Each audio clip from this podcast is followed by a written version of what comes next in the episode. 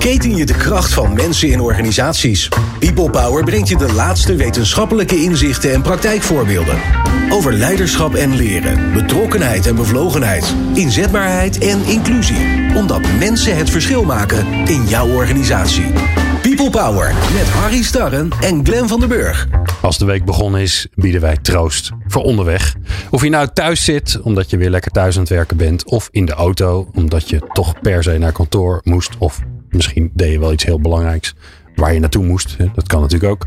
Maar dan houden wij café, zoals de Vlamingen zeggen. En elke maand bespreken wij een enorm groot thema in ons werkende leven. En dat worden er eigenlijk steeds meer. Eerder waren dat thema's zoals, en die kun je natuurlijk allemaal terugluisteren: afscheid, autonomie, burgerschap, crisis, drijfveren, evenwicht, feest, geluk, hoop, inspiratie, jeugd, kiezen. En de laatste ging over liefde en lust. Nou, je merkt het al, we zijn bezig met het alfabet. De volgende letter waar we bij aanbeland zijn is de letter M. En in deze aflevering hebben we het dus over moed, moraal en mededogen. En daar horen we straks een eh, kort essay over van de heer Starre. Wie is onze gast? Marten Kerkwijk is onze gast. Zij is auteur van de aanstaande boeken met de briljante titels Dit boek komt er nooit en Lul. Altijd fijn om te zeggen in de uitzending. Ja, daar kan ik ook niks aan doen. Dat heeft ze zelf bedacht. Ze is ook illustrator van het boek De Kinderen van Gronos. En in het dagelijks leven programmacoördinator van de Internationale School voor Wijsbegeerte. En dit café zou natuurlijk niet compleet zijn zonder de meedogenloze leiding van Harry Starre. Experts en wetenschappers over de kracht van mensen in organisaties. People Power. Harry, we zijn bij de M. Moed, moraal en mededogen. Dat zijn nogal wat... Uh, je had ook andere M's kunnen bedenken. Maar nee, dit zijn ze. Dit zijn ze geworden. Dit zijn ze. Nou, niet alleen om het geworden. Dit, zijn, dit is de essentie van deze hele reeks. Eigenlijk het hoogtepunt. Ik weet niet of ik nog mee wil met uh, de downfall. Hè? Want dit is het. Ja, dat hoort er ook bij, het toch? Om. Het gaat om moed. Ja. Moraal en om mededogen. Want ja. de eerste twee, die voel je, dat, is, dat vergt nogal wat. En dat, die derde is natuurlijk, we zijn allemaal mensen. Ja. Dus dat is eigenlijk, en ik, ik heb er een essay voor voorbereid, dat ik improviserend. Ja, kom maar. Uh, heb, ja, kan dat? Ja, ja je kijkt me zo aan. Ik, moed, ik herinner ja. me uh, Devil's Dictionary. Ik weet niet meer wie de schrijver is. Dat had ik even moeten nazoeken. Maar die had over moed onder andere dat dat uh, doorgaans mensen zijn die net de verkeerde kant op vluchten. Dus die had bij moed. uh, dat, dat, die dappere soldaat die de verkeerde kant op vlucht. Want hij vond eigenlijk moed niet zo heel verstandig in gevaarlijke situaties. Maar dat definieert moed wel. Hè? Je zou kunnen zeggen, moed is moed als er een gevaarlijke, sociaal gevaarlijke, als, er, als, je, als je iets moet overwinnen, dan zeggen we wel gauw moed tonen. Hè? Dus je moet ook een zekere angst. Dus als je zonder angst iets doet, dan kunnen anderen dat moedig vinden. Maar de betrokkenen heeft niet door dat, dat anderen daar moed voor nodig hebben. Dus moed moet je ook door je angst heen. En moed um, uh, kan verworden tot overmoed. Dat kennen we ook. Hè? Dus ja. dat je zoveel zelfvertrouwen hebt dat je denkt dat je de wereld aan kan. Het is een jongensziekte. Hij komt bij jongens volgens mij ja. iets meer voor dan bij meisjes. Verroekeloos. Roekeloos. Hè? En, en moed is wel waar we. En ik dacht eigenlijk bij dat moed, want ik ben erover begonnen, civiel courage. Dat is dat je in een samenleving een ander standpunt uitspreekt, ervoor gaat staan. Piet Kleveringa. Met die prachtige lezing, Tweede Wereldoorlog begint, zijn leermeester Meijers wordt uitgesloten. Alle Joodse mensen moesten uh, organisaties uit. En in zijn inleiding van het academisch jaar uh, staat hij voor Meijers. Niet zozeer voor, voor Joden als zodanig, dat valt op als je het nader bestudeert. Maar hij zegt, het is een schande dat die man vertrekken moet. Dat toont moed, want hij ging tegen zijn eigen belang in. Want het betekende ook het einde, gelukkig tijdelijk, van zijn academische carrière. Dus moed heeft ook te maken met het vermogen je eigen belang achter te stellen. Dus uh, klokkenluiders, moedig. Het kan ook wel zijn dat iemand een querulant is. Hè? Dat wordt ook vaak gezegd. Hij heeft, uh, uh, hoe zeg je dat nou? Hij, hij probeert eigenlijk wrok. Door wrak en, wraak en wrok. Maar moed heeft te maken met civiel courage. Opstaan als het gevecht wordt. Sommige mensen zeggen moed is een kwestie van goed fatsoen. En bij fatsoen ben ik bij moraal. Mm -hmm. Dus het is een bruggetje. Want je kunt ook moedig de verkeerde kant op zijn.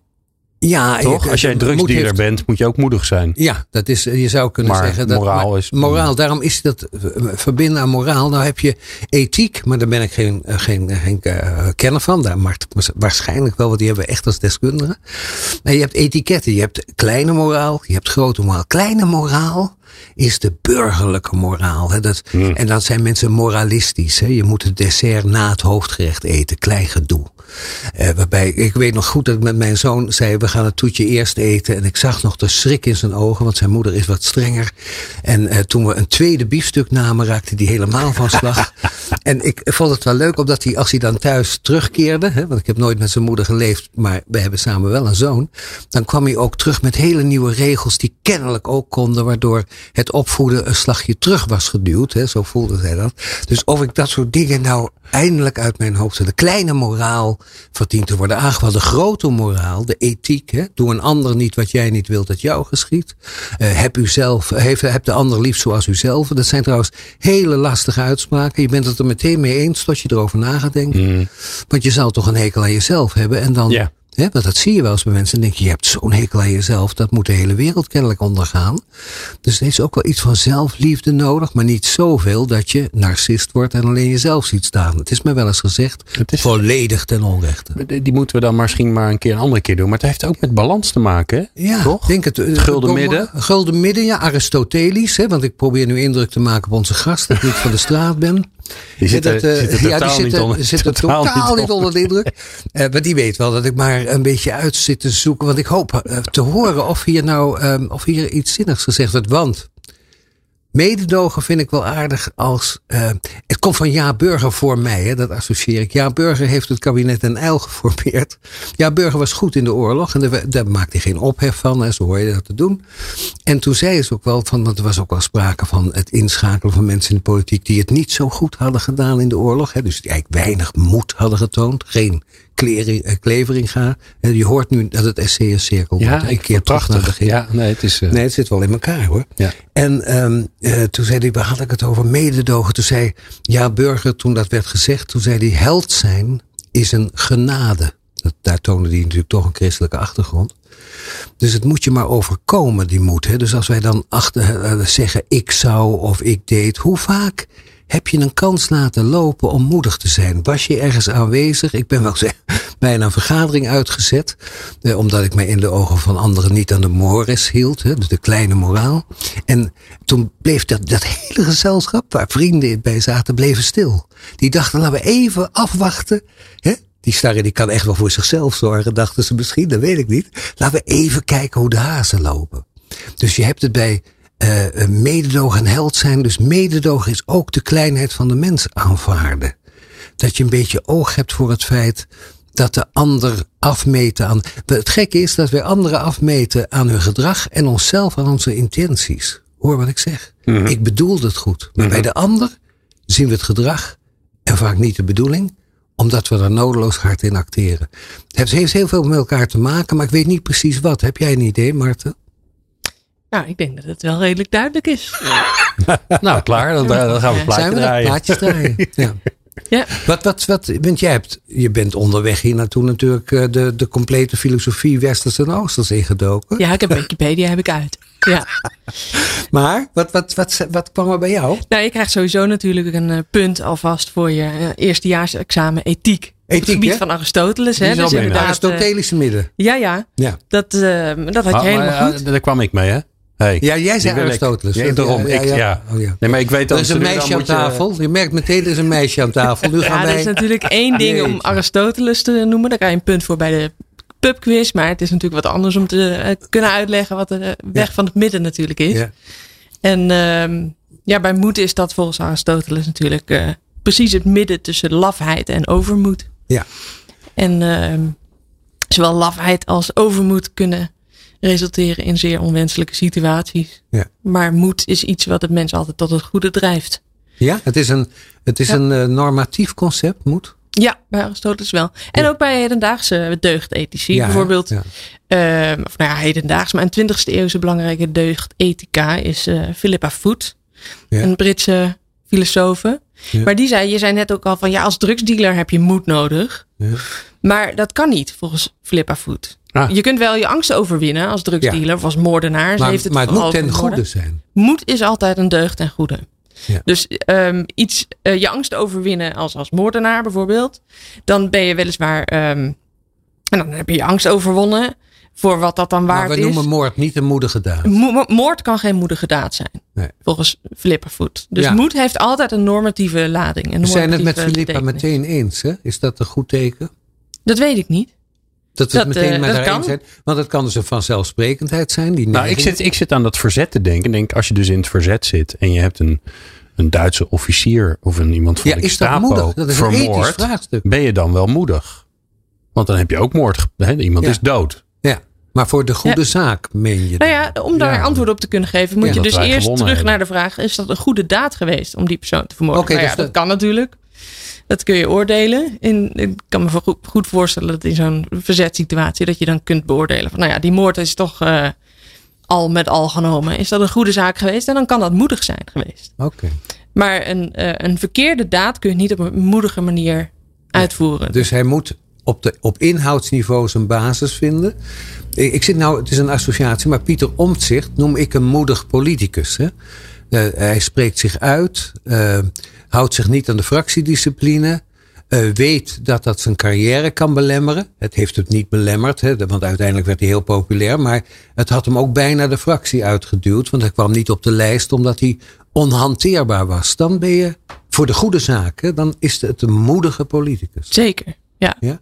Ja. Want jij bent ge, geverseerd, om het chic te zeggen, in de politieke filosofie, toch? Politieke en sociale filosofie, Ja. dat klopt.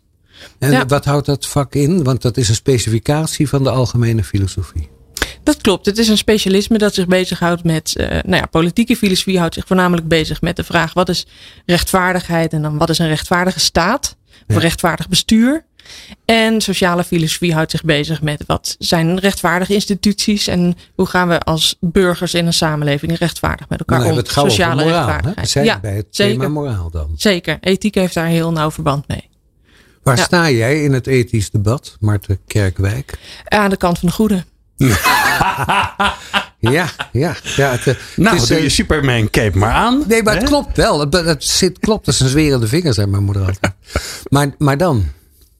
Maar dan. ehm, nou, ik denk eh, op het gebied van mededogen, om het daar maar even meteen Ja, dat bruggetje Ja, weet je dat dan? eh, te bewandelen. Ehm, ik denk dat eh, op het gebied van mededogen dat we daar nog een hoop kunnen doen. Dat moraal vraagt ook mededogen, vraagt veel mededogen. Ehm, en inderdaad, zoals je ook al eh, kort alludeerde, daar ben ik erg blij mee, eh, Harry.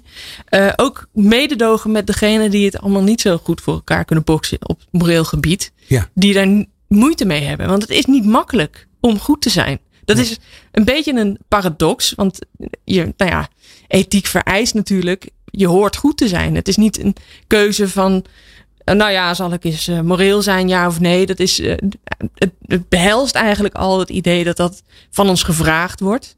We, we, we, we zouden goed moeten zijn aan elkaar. We zouden ethisch moeten gedragen. Ehm, als er iets normatief is, dan, het, dan is dat het wel. En daar kun je eigenlijk niet omheen. Maar het is helaas ook moeilijk. Het is, de meeste van ons zijn niet geboren als een soort van engeltjes die, eh, met, die perfect ethisch door het leven fladderen.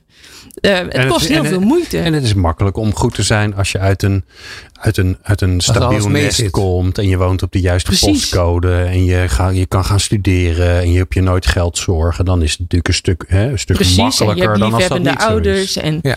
eh, en inderdaad een eh, mate van stabiliteit. En je, hebt, je leidt geen Ja. armoede en je wordt niet in elkaar Ja, je hoeft geslagen. niet te stelen, bijvoorbeeld. Je Bijvoorbeeld. hoeft niet te stelen. Bijvoorbeeld. Terwijl er ook...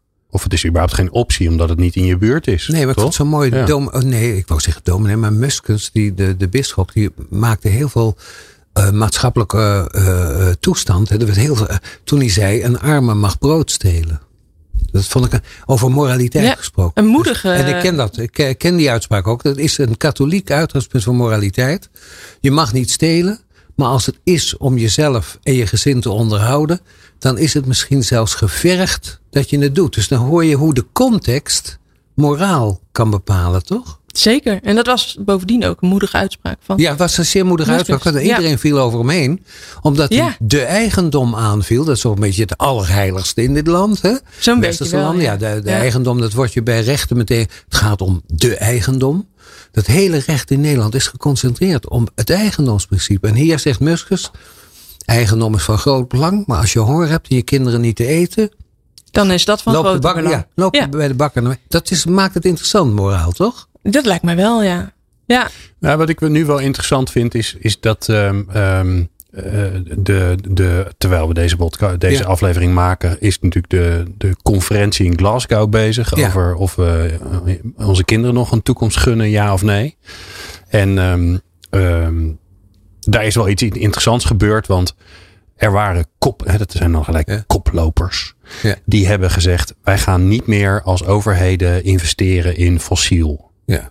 Hè, dus eh, ik, het duurde even voordat ik snapte, maar het kwam erop neer dat nu nog heel veel overheden, Ja, die staan garant. Hè, die staan garant. Bijvoorbeeld voor Van Oort, dus een groot bedrijf in Nederland.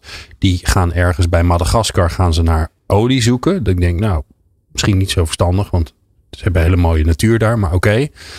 En de Nederlandse staat staat dan voor 900 miljoen. Hè, dat weet je als burger natuurlijk normaal niet. Die staat garant voor wat ze daar aan het doen zijn. Dus mocht er die boot zinken, dan, dan tikken wij af met z'n Ja. allen. Nou, dat gaan we dus. Er was een kopgroep die zei dat dat gaan we niet meer doen aan landen. En een Nederlandse eh, stelling was eerst: ehm, ja, wij kunnen niet meedoen, want we hebben geen kabinet.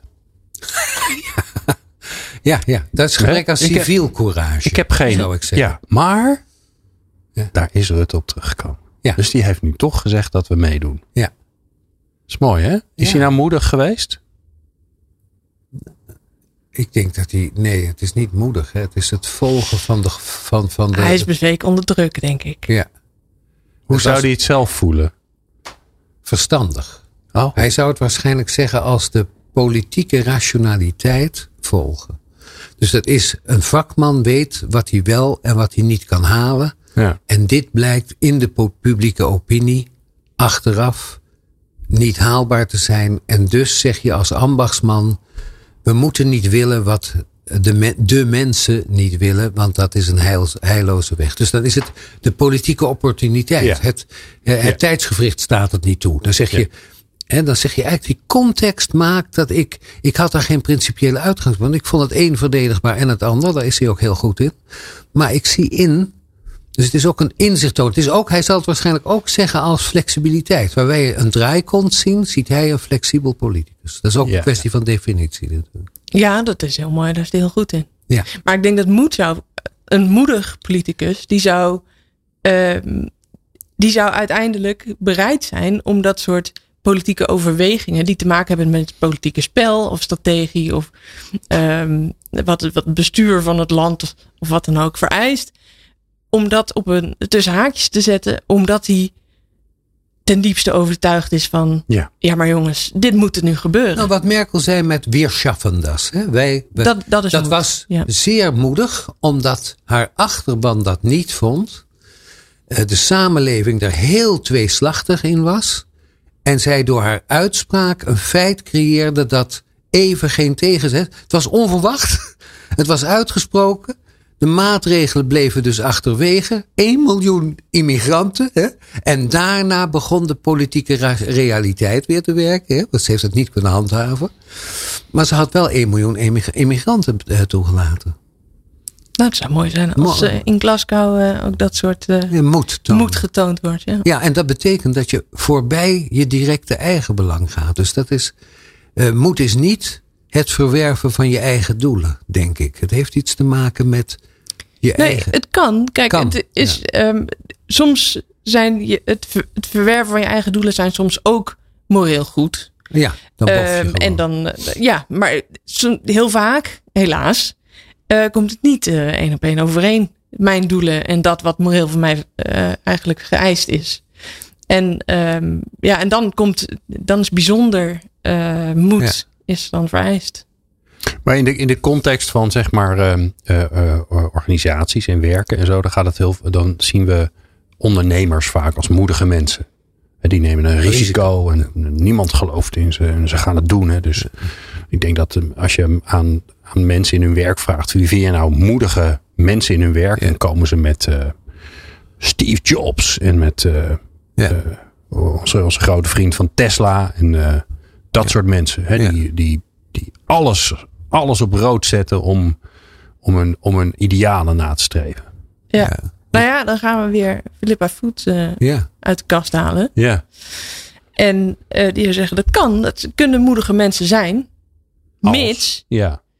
eh, datgene waarvoor ze alles op rood zetten, moreel juist is. En als dat is eigendom, dan kun je daar natuurlijk grote vraagtekens bij zetten. Ja. Maar als, als het is zegt- inderdaad morele idealen, dan kan dat zeker Ja, moet als zijn. je, als je bijvoorbeeld zegt, ik wil graag dat iedereen toegang heeft tot onderwijs en dus is internet van groot. Hè, dan zie je, dan ben je dat moed aan het laden, eh, zodat het moedig wordt. Hè. Dan krijgt het een, eh, een mora- morele component. Eh, eh, waartoe doe je dit? Als Elon Musk zegt, ik wil graag dat iedereen, dat autorijden duurzaam wordt en ophoudt dan, dan zeg je dat is wel moedig om dat eh, te doen.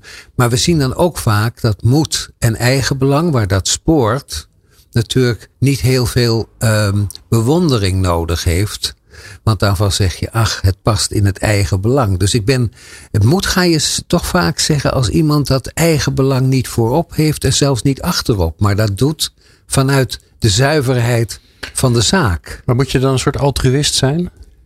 Dan kun je, je kunt alleen moedig zijn als je, eh, als je er zelf niks aan hebt. Ik denk dat moed ook wel een, eh, hoe ze, iets is zou kunnen zijn wat je meer overkomt. Dus, eh, ja, nee, maar dat hoor je vaak van moedige mensen, dat die dan zeggen: Ik kon niet anders. Dus dat, dat an, de- de- de- ja, ik kon gewoon niet anders. Dus Klevering ga wat moedig. En zei: Ja, maar ik kon gewoon, ik, ik kon me niet voorstellen dat ik hier niks van zou Luther zeggen. zei, hier sta ik kan niet anders. Ja. Ja, Ik- dit, hier, hier, dit moet ik doen. Eh, wat, wat, eh, come what may come. Hè? Eh, Ja. Komen wat komen, zeggen we dan. Het moet gezegd, het moet gedaan. Een filosoof, wiens naam ik kwijt ben, Ja. die noemt dat een volitional necessity in het Engels. Dus een Jeetje. gewilde noodzakelijkheid. Ja, een gewilde, dat je het onvermijdelijke nastreeft in het besef dat er geen alternatief is voor jou. Ik kan niet anders dan me hierin uitspreken. Dat sommige mensen rond eh, de, met die hele, met de jodenvervolging zeiden, ik kan niet anders. Ik moet, ik kan dit niet. Ik verdraag dit niet. Mhm. Toch kun je dat wel bewonderen. Ja, ik bewonder dat Ik denk, zeer zo. Zelfs al is dat een, ervaren zij dat zelf als een noodzakelijkheid, dat ze niet anders konden. Ehm, toch kun je afvragen, eh, er zijn mensen die toch in zo'n situatie wel de wat minder moedige keuze hadden gemaakt. De laffe keuze Ja, ja, misschien. of, of de, de partner die zegt, Henk, hou nou Ja. je mond. Hè? Precies, Doe nou of- niet. Altijd maar, hè. Doe dat aan de dinertafel met loutere vrienden. Maar ga dat niet in het openbaar doen. Ja. En dan kun je toch mensen daarom bewonderen. Ja, dat ze door roeien en ruiten gaan, ongeacht hun belang. Ja. Dat het ze wat gaat kosten ook. Dat vind ik wel indrukwekkend. Over moraal en bedrijfsleven moeten we het nog hebben. Omdat je natuurlijk... Nou, had- dat is de brugje je had- wat ik eigenlijk wilde maken. Want je had die Voor econoom, straks. Friedman, Milton Friedman, die zei gewoon... eh, ondernemingen zijn im amoreel. Hij zei niet immoreel, hij zei amoreel. En dat moeten ze ook zijn. Ja. Gaan we het dat- zo, gaan we? Harry. Gaan, we zo gaan we het zo over hebben. Maar dat gaan gaat de luisteraar niet horen, heb ik voor jou gehoord. Want het pauzemomentjes, dat knip jij in de podcast. Ja, heel eruit, hè? goed. Ja. Ja, het is wel leuk dat ze even een inkijkje krijgen in hoe het eigenlijk werkt. Ja, Ja, toch? ja. Dus straks, en dan gaan we het even heel ronkend aankondigen. Straks gaan we het hebben over moraal, moed en mededogen op de werkplek. Leiderschap, leren, inzetbaarheid en inclusie. De laatste inzichten hoor je in People Power. Moed, mededogen en moraal, Harry, op Ja. de werkvloer. Ja, ja ik, eh, ik, ik maakte daar net een opmerking over Milton Friedman. Die eigenlijk zei, de, de onderneming moet geen moraal hebben. Je moet neutraal zijn. Ik weet ook heel goed dat je... eh, ik, toen ik als organisatieadviseur begon, toen zijn de hoogleraar werkte, die zei... eh, Harry, ze mogen niet aan je merken waar jij politiek staat. Dus dat doe je privé. Dus eh, dat was een soort afspraak dan. A, want anders kost het je werk. Want je kunt de, en dan kun je alle heren dienen. En ik denk dat we nu in een situatie raken waarin dat niet meer klopt. Dus in dat adviseren ook niet in de ondernemen. Je moet steeds vaker zeggen waar je staat. Dus dat kun je moraliseren noemen. Daar moet je natuurlijk weer voor oppassen. Want de, de achterkant van moed is overmoed. En de achterkant van moraal is moraliseren. Hè? De, de, de vinger opsteken en zeggen. Want dat is woke, kan dat worden. Hè? Dat zien we nu ook opkomen. Dat we elkaar voortdurend de maat meten. En dan word ik altijd zo nerveus. Dan denk ik altijd van een Amerikaanse dominee. Die dan uitlegt dat je niet vreemd moet gaan. Tot we het ontdekken van hem. Hè? We, gaan, we zitten ook in een hypocriet tijdsgevricht, is mijn Nee, maar er wordt natuurlijk wel van, van organisaties, van medewerkers verwacht dat ze zich gewoon netjes gedragen. En, en je volgens de wet gedragen is niet meer genoeg. Nee, dus, de, de, dus je hoort de wetten volgen enzovoort. Ja. Maar je hoort nu, je dient het goede na te zijn. Ik denk dat dat ook een van de redenen voor de filosofie Ja, heel is. goed. Ja, ik ben het hier helemaal mee eens met deze Ja, ik denk maar het is ook voor de filosofie goed. Hoe woker, hoe beter wat mij betreft. Ja, serieus? Ja. Ja. Leg het eens uit. Nou ja, kijk, wat je zegt, de, ehm, het idee van eh, het advies van eh, laat niet merken waar je politiek staat. Dat hou je maar privé. Dat is natuurlijk een hele rare omkering van Ja, zaken. Hoezo zou de, je politieke sfeer naar de privésfeer worden verbannen? Ja. De- je, bent, eh, je kunt zijn wat je, wat je bent, Je bent een rol hebben in een organisatie of weet ik wat. Maar je bent in de publieke sfeer altijd ook een burger. En, het is, en dat kan soms op spanning staan met de belangen van je baas. Ja, je werkt bij de sigarettenindustrie bijvoorbeeld. Nou ja, bijvoorbeeld. Maar jouw baas kan niet van jou vragen om je burgerschap naast je neer te leggen. Nee, niet om negen uur burgerschap bij de poort. Nee, precies. En dan uit de poort pak je je burgerschap weer op. Precies. En ehm, dus het is een hele goede zaak om, die burgers, om je burgerschap altijd eh, dichtbij je te dragen. En ehm, nou ja, er zit meer aan burgerschap dan moraliteit. Maar moraliteit is er ook een onderdeel van. Dan hebben we toch weer civielcourage, hè? burgermoed. En laten we elkaar ook, ehm, laten we eh, morele discussies, eh, laten we het normaal vinden om die te voeren. Eh, Dat hoeft niet met een opgeheven vingertje. Maar ehm, laten we het er in elk geval erover hebben. En ehm, ik, je kunt ook iets aandragen of iets agenderen waar je misschien zelf ook niet perfect in bent. Dat is niet meteen hypocriet. Nee. Maar dat is. Kwetsbaar. Dan kun je het vanuit de mededogen en kwetsbaarheid. precies. Stel je voor dat je het niet kon hebben over morele zaken waar je zelf niet perfect in bent. Nou, dan daar hield ik op. overal mijn mond over. Precies. Ja, dat zou Dus- misschien ook wel weer fijn zijn. Iemand, iemand ehm, hypocriet noemen is eigenlijk net zo'n vorm van dwingelandij als eh, van iemand eh, moreel goed gedrag verwachten. Dus nou ja, dat wordt een soort heen en weer geketst die weinig productief is wat mij betreft. Maar ja, aan de andere kant, hè, de, Nou, de, hoeveel de, de, de, directeur die, eh, die stoer durft te vertellen dat duurzaamheid belangrijk is. En vervolgens eh, daarna wegrijdt eh, vanaf zijn privé parkeer, parkeerplaats met een of andere auto met een hele grote motor erin met een grote rookpluim erachter. Nou ja, dat, dat, Ja, hoogst interessant. dat, dat is natuurlijk, Ja, het is een heel mooi onderwerp van gesprek. Daar kun je dus leuk met hem over hebben, denk ik. ja, maar het is geloofwaardigheid. Maar dat is een andere letter misschien. Nee, maar, maar die is dan weg natuurlijk. Nou, maar ik begrijp maar wel dan wat heb je bedoelt. wel Dan moed moet je het nodig. gesprek voor nodig. Maar dan heb je moed nodig om vervolgens die baas aan te spreken. Ja, precies. Ja, waar heb je het nou over?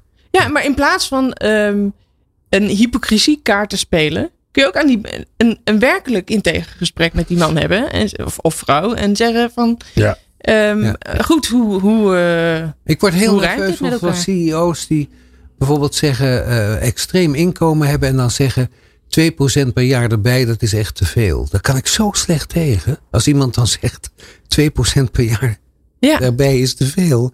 Terwijl je weet dat die man per jaar 14, 15% loons wordt. Per jaar 14, 15. Dat weet je, kan ik zo nakijken. En die zegt dan 2% is gewoon te veel.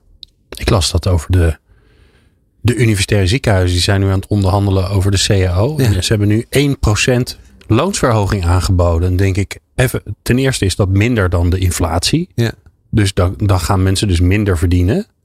En dan in deze tijd, waarin een jaar geleden stond iedereen nog te klappen. Dan denk ik, oké, daar gaat echt iets, er klopt ergens iets helemaal niet meer nu. Ik weet nog dat eh eh, Ad Melkert was werkgever in de ziekenhuissector. En die ken ik als partijgenoot. En die zei als werkgever, het is gewoon te veel. Ja. En, en, die, en dat En als noemt mens zijn- Sartre kwade trouw. Ja. Die zegt eigenlijk, hè, als werkgever kan ik hier niet voor zijn. En toen zei ook partijgenoten, vanuit zijn rol moet hij dat zeggen. En toen dacht ik, Waarom? dat vind ik toch vreemd. Vanuit mijn rol ben ik er tegen. Overigens als mens, en daar houdt het voor mij dan, dan vind ik het gevaarlijk worden. dat vind ik ook. Omdat je dan inderdaad de rol Verward. verward met, of de rol overstemt je burgerschap. En wat mij betreft eh, ehm, kan dat niet. Het gaat in tegen, tegen een soort basis democratisch recht idee, denk ik. Ik denk dat je dan niet integer bent. Dus dat je moet zeggen, integriteit is uit één stuk zijn, toch? Precies. Ja, En, we nou kunnen dat niet op alle terreinen. 100%. hè? Precies. Dus, dus, maar je moet op sommige cruciale momenten uit één stuk zijn. Je kan niet zeggen eh, eh, als vader dit en als. Nou, dan dan houdt de roldefinitie een keertje op. Dan moet je zeggen, de, hier kan maar één mens spreken. Precies. Je kunt niet zeggen, ik ben heel erg begaan met het klimaat. Maar ik ben wel. eh, ik, ik, heb wel, ik ben wel de eigenaar van een, van een bedrijf dat daar diametraal tegenin gaat. Ja. Dat kan niet. Nee. Dan, dan, eh, dan is je, ehm, je bewering dat je werkelijk begaan bent met dat klimaat, dat is dan nergens op gestoeld. Dat is dan vrij, vrij weinig waard. Ja, Dan ben je niet zo moedig misschien. Dan heb je misschien wel de moraal. Dan voel je wel dat het niet klopt. Maar je bent niet moedig genoeg om er wat aan te doen. Nee, dus je hebt dan vaak Precies. de vraag: kan het, verdraagt het de openbaarheid? Hè? Dus verdraagt het, kan je ervoor staan? Want dan hoeft het nog niet helemaal te kloppen. Maar dan kan je er wel voor staan. Als je het buiten de orde wil verklaren, hè? je wilt niet dat het erover gaat, dan wordt het hypocrisie volgens mij. Dat Als je, ik- hè, je ik- zegt ik- eigenlijk, ga er dan voor staan, dan is het niet hypocriet. Dan laat je de spanning zien. En dan ga je erover in discussie. Maar als je, laten we zeggen, de auto achter het pand neerzet. Ja. Hè?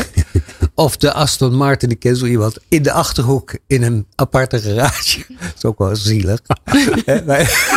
Aparte garage. Dus dan gaat hij met zijn, met zijn elektrische hij met auto zijn naar de elektrische auto naar de Aston Martin toe. Eh, om, omdat hij ook een jongen is. En eh, hij heeft het geld. En toen heeft hij een Aston Martin. Maar hij wil niet dat hij daarin wordt gezien. Hij wil er niet mee geassocieerd Eh, worden. ja, en hij zegt ook me, vind ik zo mooi. Hij zei, het lijkt een uitgave, maar die auto wordt alleen maar meer waard. Dat vond ik ook nog... maar goed, het is jongens, hè? Hey, maar eh, een ander, die, want we hebben het nu over de, de, de bazen en, en Ja. hun gedrag. Wat mij vaak opvalt in organisaties, en die wilde ik er even ingooien, is dat we vinden van alles en nog wat. Ja. We hebben daar misschien best goede adviezen over. We durven alleen niet tegen de baas te zeggen wat je ervan vindt. We durven niet te zeggen, hé, hey, duurzaamheid, die auto klopt niet meer. Of ehm, eh, eh, dit- is wat er volgens mij misgaat in de organisatie. Ja. Dus de, de, de moed bij medewerkers om tegen iemand die hoger op de hi- hiërarchische ladder zit te zeggen van, die gaat niet goed. Die zie ik heel weinig. Ja, en dat komt misschien ook omdat wij eh, van macht en machtsverschillen ook een, hebben ook een veel M. taboes. Ja, een, een Oh. taboe hebben gemaakt dat we eh, die machtsverschillen vaak ontkennen dat ze er zijn, maar ze zijn zo nadrukkelijk. Hij gaat over je salaris hè? Eh, en hij gaat over je carrière. En je gaat iets zeggen dat er mogelijk belemmerend in gaat werken. Aan de ene kant kun je worden geprezen, hij spreekt zich uit. Aan de andere kant kan het betekenen met die man valt niet te werken. Dus dat moet heel goed worden geacteerd, zou je eens kunnen zeggen. Ja, in dit soort gevallen is het natuurlijk altijd eh, waardevol om eh, niet alleen te staan, maar meerdere mensen eh, naast je te krijgen. Om gezamenlijk Ja. bijvoorbeeld een voorstel te kunnen Ja, doen om aan als eenling niet het haasje te zijn, of de lul, zoals ik dan een, een titel citeer Precies. van het Goeie boek. titel voor een boek. Ja, goede titel. Ja. Overigens, ja, mag ik dat ook zeggen? Dat is natuurlijk ook dat jij, jij in dat boek ook aan de orde stelt hoe je je hoort te voelen en hoe je je feitelijk voelt. Dat kan, ja. Dat, is de, dat is net zo'n soort spanning. Je weet, ik hoor mij vergevingsgezind, mee, vol mededoo, hè, begrip. Maar het voelt niet zo en misschien moet ik dat gevoel. Mag ik naar dat boek gaan van jou? Het is een beetje een aberratie, maar het komt wel weer goed. Het is een café, dus alles mag. ja, dat, Alles mag. Ja, Ja, maar- het is er nog niet. Het doet me wel deugd dat je het toch al wel gelezen hebt. nee, maar dat heb ik uit de beschrijving gehaald. Dus dat haal ik uit de blurb of uit de eh, dingen. Dat, het, dat je gevoelens hebt die je niet zou moeten hebben. En dat er een verdediging is voor dat gevoel ook. Want die titel, Ja, dat klopt. daar is wel een over- beetje moed voor nodig. Namelijk om te zeggen, zeg het maar gewoon. En vind het misschien ook maar. Nou ja, dat is, dit boek gaat over eh, liefdesverdriet Ja. en het gebroken hart in een wat bredere zin ook. Maar daar komt heel vaak bij kijken dat je eh, allerlei gevoelens hebt die niet zo goed liggen in, eh, Nee, sociaal die gezien. horen niet hè. Die horen niet. Ehm, Dat is de kleine moraal, hè? Dat is de het kleine moraal. niet aan de kleine moraal. Dat hoor je niet te zeggen, dat hoor je niet te doen. Titel is ook al, precies. als, uh, hè, dat daagt al uit. Je bent Ja, dus je door de kleine moraal niet je heen. partner voor lul uit te Maar, nee, maar waar zit eh, die spanning tussen kleine moraal en grote? Nou, er is ehm, iets voor te zeggen dat er is een tendens. Ik Ja. zeg niet dat dat door iedereen gedragen wordt, maar er is een tendens dat mensen met uh, een gebroken hart, om wat voor reden dan ook, uh, of mensen in rouw, dat die uh, vooral worden aangeboden om er overheen te komen. Dus dat het doel zou moeten zijn om dat te verwerken, zodat je aan het eind van de tunnel er weer uitkomt. Ik heb het een plekje gegeven. Een plekje gegeven, of hoe je het noemen wil. Maar er kan ook een waarheidsclaim zitten in dit soort negatieve of vervelende gevoelens, die misschien het serieus nemen waard is. Misschien als je een, je hart breekt, zit daar iets in dat gewoon waar is. Ja, Misschien onrecht. is het werkelijk Ja, voor je het weet. Ja, voor je Dat het weet gewoon mag- echt een lul is. Ja, dat zou kunnen. En niet, oh ja, maar eh, ach, hè, waar twee vechten hebben altijd Ik twee heb het een plekje. En, eh, ja, ja, die. ja, dus Nou ja, toch? bijvoorbeeld. Ja. Of dat er daadwerkelijk iets is verloren met datgene wat je hebt verloren als je hart is gebroken. Waardoor je hart is gebroken, de Dat heb je- relatie of noem maar wat. En, ehm, en dat allerlei goed bedoelde adviezen. Van nou ja, er is, eh, er is, je komt er wel weer overheen. Of eh, je bent niet afhankelijk van die persoon of wat dan ook. Dat is misschien ook allemaal waar. Maar, Maar eh, zeg je dan, je, je hart is gebroken en daardoor is hij voor altijd een beetje kapot. En niet, het komt wel Je weer moet goed. het niet we, lijmen het Nou weer ja, aan elkaar. Misschien komt het wel goed. Maar ook iets wat tijdelijk is, kan wel waar zijn. Oké. Oké, dus het wegpraten. Ik, ik, ik maak een overeenkomst met ontslaan. Hè, waarbij Oh. dat net ook altijd eh, speelt. En dan gaat het ook altijd over de moraliteit. Je kunt ook Mag- je hart breken door na een ontslag. Ja, Ja, zeker. Toch? Dan heb je zo. En daar gaat ook over moraliteit. En eigenlijk moeten we oppassen dat we de moraal niet zo dominant maken dat de gevoelens die ook echt zijn niet meer aan de orde kunnen komen. Want dat wordt dan eh, gedraag je, gedraag je, gedraag je. Want je gedraagt je met die boektitel ook al niet, hè? Nee, precies. En ook andersom, dat gevoelens worden gezien als juist als iets heel anders dan de moraal. Maar er zit een morele component in gevoelens. Ja. Bijvoorbeeld een gevoel van woede. Daar zit in dat iemand jou iets misdaan heeft. Onrecht. Dat iemand een onrecht heeft begaan. Daar zit misschien een overeenkomst met de sociale media, waar mensen heel boos zijn en dan de ge- gemeenschap zegt: je moet niet zo boos doen. Terwijl ik denk, neem die boosheid ook af en toe, want er wordt ook veel onrecht gedaan. aan Er kunnen mensen boos zijn en hele goede redenen hebben om Ja. boos te zijn. Ja, dus eigenlijk dat we. En daar zit misschien wat mededogen bij. Dat je durft te zeggen, ja, ik maak het bruggetje expres. Van heb nou eens mededogen met die woede. Precies. Precies. In plaats van dat af te keuren en zeggen: pas je nou lekker aan, hè, de, stap eroverheen. Terwijl je Ja. eigenlijk zou moeten zeggen: heb nou eens begrip voor het feit dat er misschien een reden is.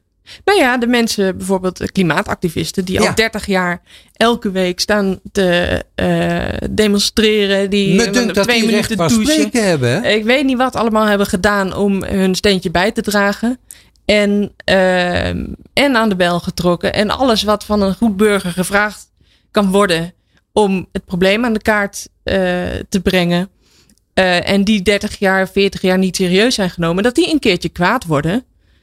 Dat lijkt mij een hele gepaste reactie. Wellicht. Dat Ja. kun je serieus nemen, denk ik. Ja, je gooit Ja. de ruiten niet in, maar je moet ook begrip hebben als iemand dat een keer wel doet. Hè? Absoluut. En als er Ja. dan iemand komt, ja, maar eh, eh, waarom maakt jou dit nou zo kwaad? En wat doet dit nou met jou?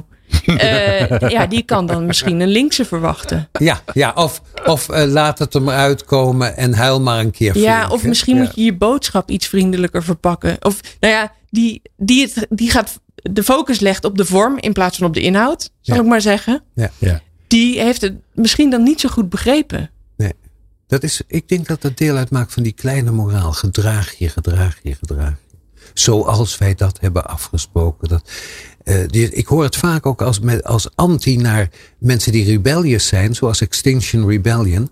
Dat dan meteen wordt gezegd, ja, maar de manier waarop en zo. Dat, hè, dus dat de keurigheid in het geweer komt. Ja, Hè, maar hoe moet het dan? Ja, maar je kan natuurlijk ook omdraaien. Hè? Dat, ik wil- ik kijk al heel lang niet meer op Twitter. En ik raad iedereen dat aan om dat vooral niet meer te doen. Nee, ik doe het maar eh, ehm, eh, als je ziet wat daar natuurlijk in anonimiteit, hè, als je het over hebt, over moed.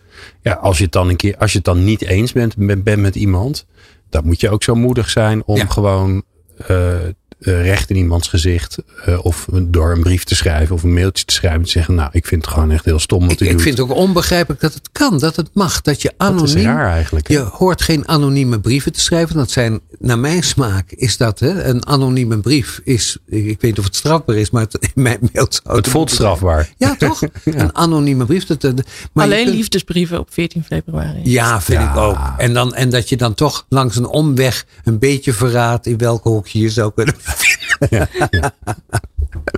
Maar het is inderdaad vreemd dat we dat toestaan. Dat we anonimiteit. Ik vind dat echt van een, van een lafheid dat je, Geldt ook voor journalisten die zich achter niet je, maken. achter je Misschien. Nou ja, nou, in de, in de- Misschien. In de, om vervolgens eh, door wie dan ook allemaal bedreigd te worden, dan kan ik me dan ook wel weer wat bij voorstellen tegenwoordig. Maar ja, dan zie je hoe lastig het dan wordt. Ja, dan Maak wordt het heel je bekend als, anon- eh, als journalist. Ja, Peter R. de Vries was heel moedig. Ja. Ja, hij is wel dood. Toch? Ja.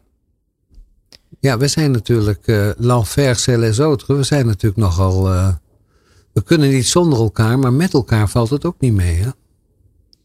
Ja, of ja. En, eh, ik ben als, we Ja. teruggaan naar organisaties hè? en over Ja. mededogen. Dat valt ook niet mee. Nee, valt allemaal niet mee. Mededogen in organisaties, is dat aan de orde? Ik, ik vind bijvoorbeeld dat we weinig mededogen hebben met mensen die niet voldoende presteren. Ja.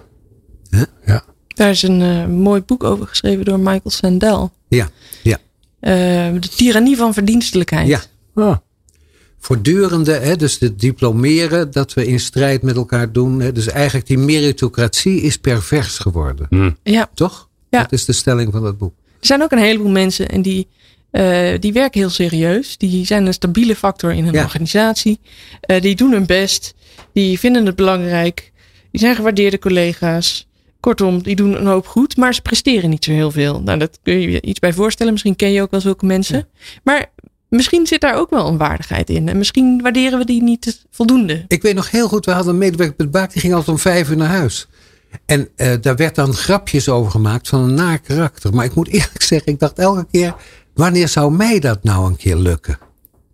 Om om vijf uur naar huis te gaan. Lijkt mij een goed voorbeeld. Ja, toch? Dus dat je zag, zo kan het ook als, als manier. En dat mededogen ook is dat je toestaat. Ik heb ge- gehoord van functioneersgesprekken. waar mensen zich moeten verdedigen. omdat er te weinig passie uit hun houding is. En te, ik zie te weinig twinkeling in je ogen. Je zal je daar toch tegen moeten verdedigen. Ik zie te weinig twinkeling in je ogen. En dat wordt gewoon gezegd. Nou, maar is, is- nou sterker nog, ik vind, ik vind hem, ik- voor mij kun je hem nogal, nogal Ja. ernstiger maken. Dat, ik, dat heb ik eh, ehm, Ricardo Semler ooit hebben horen zeggen. Vond ik briljant. Die zei ja, als je een grote organisatie hebt, Ja. dan, dan, dan, gaan, Representeert hij? dan representeert hij eigenlijk de, de Ja. samenleving. Dus dan kun je alle percentages erop loslaten. Dus Ja. je hebt waarschijnlijk een dief rondlopen. Ja, dus iemand jat. Ja, daar kun je heel ingewikkeld over bij gaan dat doen. Maar ja, aantal. Ja. Hè, je kunt je ook afvragen, is dat nou echt zo heel erg? Hè? Zolang die niet de hele bedrijfskas leeg had. Ja. Ach, die paar dingen is ook Ja, niet als zo er erg. nergens gestolen wordt, zit je in een dictatuur. hè. Met een politiestaat. Dus. Maar ga door. Ja. Dus, dus, ja. En dus lopen er ook mensen rond ja, die misschien niet zo heel fantastisch presteren. Ja, nou en. ja. Waterdragers, zei dan Ja, hè? nou, Stabiele en. factoren. Die, die- ja, en die- sterker nog, die, die mensen doen dus waarschijnlijk iets anders wat je lastig vindt om dat in allerlei cijfertjes te stoppen. En is ook prima. Maar we personaliseren, als ik Sandel goed begrijp, is personaliseren prestaties zo dat wie niet presteert, faalt. En falen heet loser. Dan ben je een loser. En we hebben een samenleving gecreëerd die meedoog, medendogeloos, mededo, Ja, dat klopt. is. Omdat je eigenwaarde er zo vanaf Ja. gaat hangen. Van je, je, je bent je prestatie. prestaties. Ja. Ja. We hebben dat elkaar wijsgemaakt. Als je niet. eh, ik, ik hoorde laatst iemand zeggen: eh, Ik heb geen verhaal. eh, want ik heb alleen een hond en ik ben thuis gelukkig. Maar wat moet ik daar nou over zeggen? Kennelijk moet je een verhaal hebben. Mhm. Dat de moeite. We zijn bereid daarvoor te gaan liegen. Dat is het nadeel ook. Hè. Je ziet ook heel vaak eh, eh, allemaal van die mooie plaatjes. waarbij je gelukkig leven wordt suggereerd. Omdat het zonder die iconen van geluk niet meer kan prestatie op geluk ook, hè? Ja, precies. Terwijl, wat is er mis met een, eh, Vroeger was een, was een leven een, een 9 tot 5 uh, mentaliteit. Als je zo'n baan kon hebben en je kon daadwerkelijk van 9 tot 5 je inzet leveren. Uh, nou, dan uh, mocht je van jij en je werkgever van geluk spreken. en je had een hond en een gezin en ja. nou ja, een, een bestaan. Een biljartje op vrijdagavond. Precies, dat was, dat was het hoogst haalbare voor sommige mensen. En die droomden daarvan. En, en dus wat is daar mis mee? Ja, ja maar het gaat, het gaat terugkomen, denk ik. Ja, het keert terug. Ja, want ik nou, denk weet je, de wal keert het schip, toch? Iedereen, als je, de, uh, nou ja, ik, ik, word daar zelf wat een beetje gestoord van als je, als je op, uh, op LinkedIn of op, uh, of op Instagram, dat is de enige plekken waar ik dan nog een beetje kijk. Als je daar kijkt, dan is iedereen met fantastische dingen bezig. Ja. Dus ik heb gisteren, heb ik, ik stond gisteren de aardappels te schillen. Ja. Dus ik heb een, een, soort nieuw dingetje, een soort geintje voor mij. Dus ik heb een foto gemaakt van een hoopje aardappelschillen en een aardappelschilmesje. Goed werk. En die heb ik online gezet. Zeg, het, leven, het, leven is als aardappelschillen, heb ik erop gezet. Dat, diep filosofisch en onder. Oh nee, eh, nee, het leven is ook aardappelschillen. Ja. We juinen elkaar op. Weet ja, je alsof het allemaal helemaal fantastisch moet zijn. Worden. Hoe vaak ze niet getest worden. Allemaal uit bezorgdheid. Ja, allemaal met goede bedoelingen. Waardoor kinderen het geluk wordt ontzegd van goed genoeg te zijn. Bij coaching is het het meest dominante thema. Ben ik wel goed genoeg? Ben ik wel goed genoeg? Mag ik er wel zijn? Dat is toch tragisch? En zelfs mensen met goede banen, die alle twijfelen ja. of ze wel goed genoeg zijn. Nou, ik ken mensen die, uh, die graag zouden willen dat ze het zouden aandurven om hun werk te beperken tot gewoon ja. 9 tot 5. Omdat het veel gezonder is om niet veel meer te doen dan dat voor je baas. En daarnaast gewoon een leven te hebben moderne slaven. Er komt nu een nieuwe Werk is niet de oplossing met een boek uit. Hogan, ben even de titel kwijt. Die eigenlijk zegt dat werk. De mensen zijn veel harder aan het werken dan ze voor betaald worden. Het wordt ze aangepraat dat ze dat nu ook zelf moeten willen. Dat ze zich daarin ontwikkelen en ontplooien. En het is één grote truc. En ze eindigen in burn-out om dan te ontdekken: ik heb mezelf weggegooid. Moderne slavernij. En zover gaat dat boek dan. Het is de grootste spijt van mensen die op hmm. de cardiologieafdeling liggen. Dat ze te veel tijd hebben gestoken in hun, in hun werk. In hun werk. Had ik maar niet zoveel gewerkt. Ja. ja. En meer gehouden van de mensen die van mij hielden. Hè? En beter opgelet. Oh, en ondertussen kijk je mij liefdevol aan, Harry. Ja, want we ronden af. Hè? Ja. Dat voel je aan alles. ja. ja. Ik heb uh, Marten Kerkwijk bedankt. Was dit nou eigenlijk werk of niet? Uh, ik moet zeggen, als ik er naartoe rij wel. Oh ja. Ja, maar als ik er vandaan kom niet. Nou, dat zie ik als een groot compliment. Dat geldt voor mij overigens net zo goed. Ja. Dank jullie wel. Jij ging Marten bedanken. Ja, Marten, dank je wel dat je was. Wij kennen elkaar dank van de Internationale School voor Wijsbegeerte. Dat klopt. En uh, nou ja, ik vind het fijn dat we de praktische kanten van de filosofie weer hebben aangetoond. Althans, die illusie heb ik en jij ook. Zeker. Toch? Ja. Daarom. Glenn twijfelt ik twijfel eigenlijk nooit. Nee, hè? nee dan ben je geen filosoof. Dat is juist mijn probleem. geen filosoof. Twijfel nee, is heel gezond. Nee, ik weet dat ik, ik, weet dat ik, uh, dat ik verre van alles weet. Dus ben ik een filosoof. Ja, denk het. Want ik wil het wel allemaal weten. Fijn, daarom doe je dit. Ik hoop op uh, volgende keer, dan is het met een N. Ja. En één daarvan wordt narcisme. Die mm. heeft het al gehaald. Oh. Maar die twee andere, die moeten we nog even bedenken. Ik heb heel veel suggesties gehad, waarvoor dank. Mooi. Oh ja, oh ja. Ja, is dat zo? suggesties. Kunnen mensen corresponderen Het wordt daarover? interactief allemaal en ik krijg daar nieuwe vrienden door. Wat leuk. ja, ja, we komen elkaar op verjaardag en uh, ja, ja. partners. Dus, uh, dus we kunnen ook een oproep... Nieuwe vrienden is ook met een N. Nieuwe vrienden, ja. Nieuw. Ja, en nou ja. Ja. Ja, nou we kunnen heel veel N'en Niet doen. normaal joh. Ja. Uh, kortom, uh, heb je een suggestie voor een N die past bij narcisme? Dan uh, kun je ons dat laten weten via alle bekende kanalen die er zijn om Harry Starre te bereiken. Dankjewel voor het luisteren. Harry, bedankt. Marten, bedankt. Meer afleveringen vind je op peoplepower.radio en jouw favoriete podcast app.